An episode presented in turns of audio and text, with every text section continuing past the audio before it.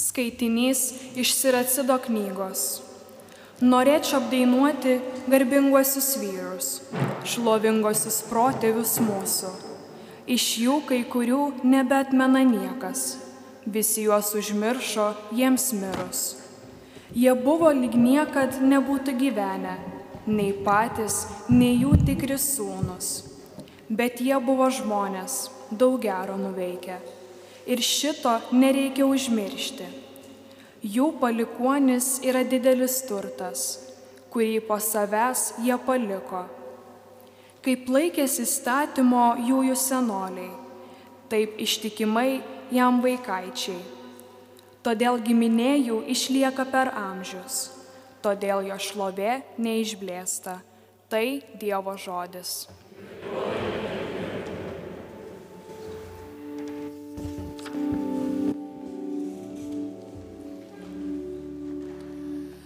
Mylė viešpat savo tautą.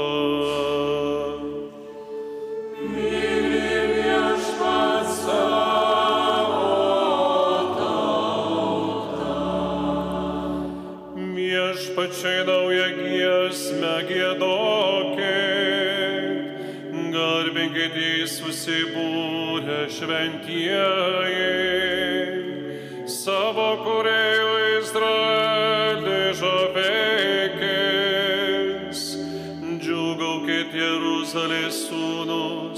turėdami tokį valdovą.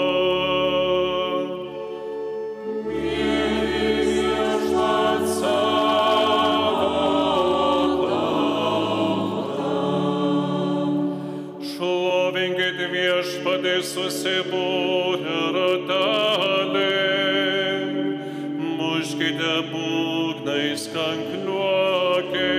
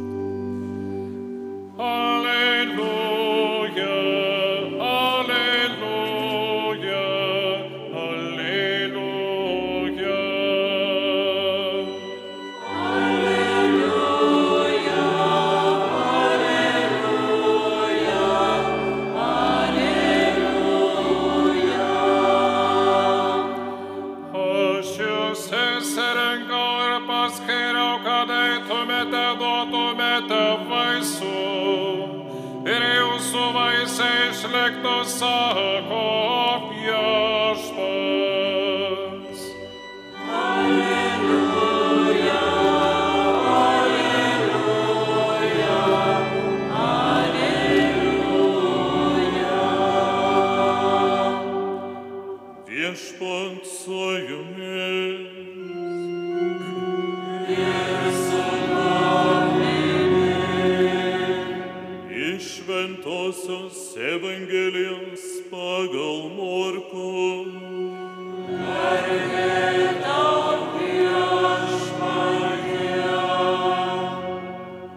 Jėzus įžengė į Jeruzalę ir į šventyklą. Viską apžiūrėjęs, kadangi buvo jau vakaro valanda, jis su dvylika išėjo į Betaniją. Rytojaus dieną jiems keliaujant iš Betanijos, Jėzus buvo alkanas. Pamatęs iš tolų sulapujusi figmedį, jis priejo, pažiūrėjo, gal ką ant jo ras. Tačiau atėjęs prie medžio jis nerado nieko, tik tai lapus, nes buvo dar ne figų metas. Tuomet jis tarė medžiai, tegul per amžius niekas nebevalgys tavo vaisiaus. Jo mokiniai tai girdėjo. Ir jie atėjo į Jeruzalę. Įėjęs į šventyklą Jėzus ėmė varyti laukan parduodančius ir perkančius šventykloje. Jis išvarė pinigų keitėjų stalus bei karvelių pardavėjų suolus ir neleido nešti, nešti rakandų per šventyklą. Jis mokė ir skelbė, argi neparašyta, mano namai vadinsis maldos namai visoms tautoms o jūs pavertėte juos plėšikų lindynę. Tai išgirdę aukštieji kunigai ir rašto aiškintojai tarėsi, kaip jį pražudyti. Jie mat bijojo Jėzaus, nes visi žmonės žavėjusi jo mokslu. Atėjus vakarui, Jėzus su mokiniais išėjo iš miesto, rytą įdami pro šalį jie pamatė, kad figmedis nudžiūvęs iš pat šaknų. Prisiminęs Petras tarė Jėzui, rabė, štai figmedis, kurį tu prakeikiai, nudžiuvo. Jėzus jiems atsakė, turėkite tikėjimo Dievu.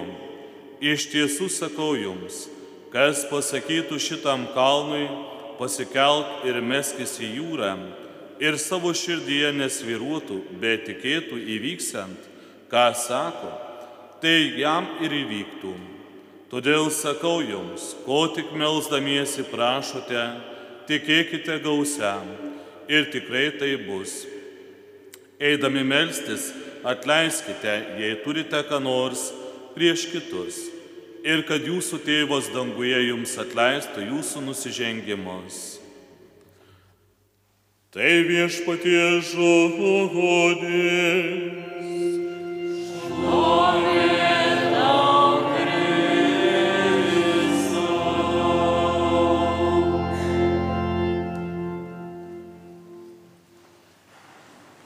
Brangieji, visai neseniai šventėme sėkmines ir meldėme, kad šventoji dvasia ateitų ir atnaujintų žemės veidą. Nes mūsų kasdienybei labai reikia naujo pavydalo, naujo veido. Anot sekvencijos žodžių, be šventosios dvasios viskas žmoguje skurdu viskas atvira žaista. Kad taip ir yra, parodo šios dienos Evangelija. Jėzus keliauja į Betaniją ir ten atranda gamtos skurdumą. Figmedis neturi vaisių, o po Jėzaus žodžių dar ir nudžiūsta. Jėzus keliauja toliau, nueina į Jeruzalę įeina į šventyklos kiemą, ten jis taip pat neranda Dievo dvasios, bet atranda tik turgų. Prekiautojai daro gešeftą, norėdami pigiai įsigyti prekę ir kuo brangiau parduoti. Supykęs viešpats išvartė pinigų keitėjų stalus bei karvelių pardavėjų suolus ir neleido nešti rakandų per šventyklą. Kodėl Jėzus taip padarė?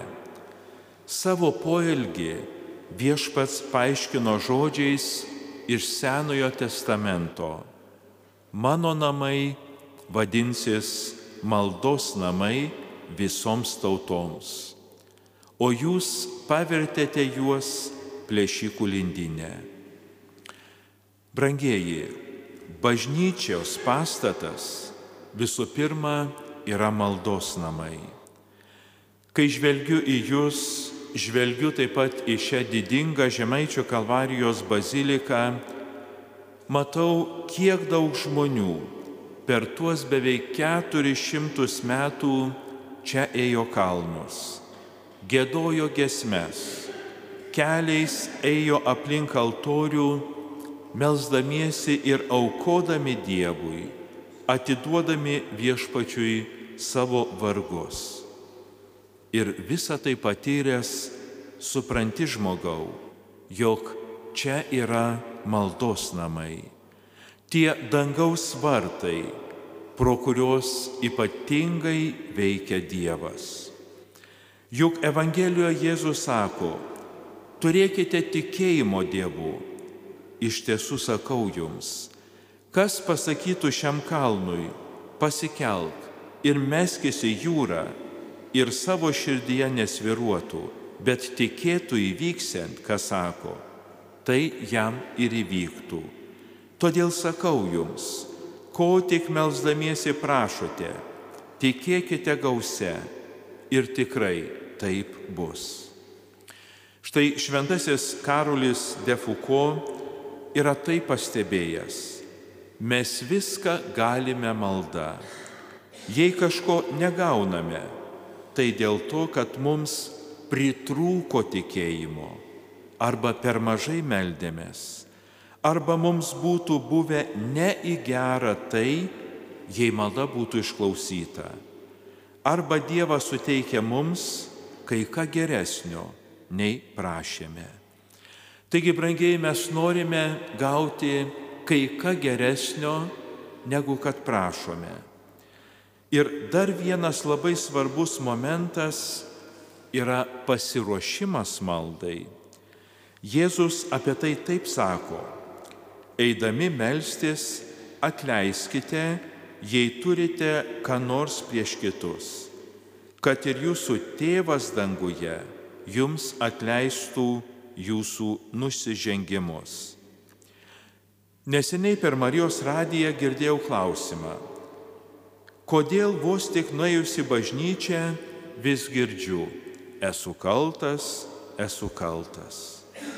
Kodėl vis primenamos žmogaus kaltės. Brangiai, tai daroma ne todėl, kad žmogų pažeminti, bet kad paruošti maldai. Juk mes stosime į akivaizdą tris kart švento Dievo, o joks žmogus nėra šventas Dievo akivaizdoje. Susipažinę su šventųjų gyvenimais, mes matome, kad jie visų pirma pripažindavo savo nuodėmingumą, atiduodami jį Dievui ir laisva širdimi pasivesdavo Dievo valiai. Tuomet ir jų malda būdavo išklausoma. Tad pripažinimas savo kalčių yra savęs paruošimo maldai, savęs paruošimo stoti viešpaties akivaizdon. Kai mes gailimės, leidžiame šventai dvasiai veikti mumise ir paruošti širdį primti didesniems dalykams, negu kad mes melčiame. Šioje šventovėje yra malonėmis garsus mergelės Marijos šeimų karalienės paveikslas. Dėl ypatingos Dievo malonės ir Dievo įsikišimo mergelė Marija buvo apsaugota nuo gimtosios nuodėmės ir be jokių apribojimų leido veikti šventai dvasiai jos gyvenime. O šventoji dvasia gerai pažįsta mergelę širdį. Ji labai gerai pažįsta jos tokią tyrą širdį, labai gerai pažįsta tuos rūmus, kuriuose parengė tiek slėpinių ir didžių slėpinių. Nes mergelė nedarė nieko, negalvojo nieko, nekalbėjo nieko, kas kuo nors nepatiktų šventai dvasiai. Ji jai viskuo patiko, nes visada vykdė jos valią. Taigi visiškai pasitikėdama Dievu ir leisdama šventai dvasiai laisvai veikti, mergelė Marija davė daug vaisių. Štai ir šiandien Evangelijos priegesmėje mes girdėjome viešpaties žodžius. Aš jūs išsirinkau ir paskyriau, kad eitumėte, duotumėte vaisių ir jūsų vaisiai išliktų. Pastarosiomis dienomis mes girdėme apie dvasininkų nuodėmės ir net nusikaltimus, žaidžiančius ir Jėzaus širdį, ir ypač tikinčiųjų bendruomenę. Dievo tauta turi teisę turėti šventų kunigų. Tad netrukdykime Dievui veikti mumise.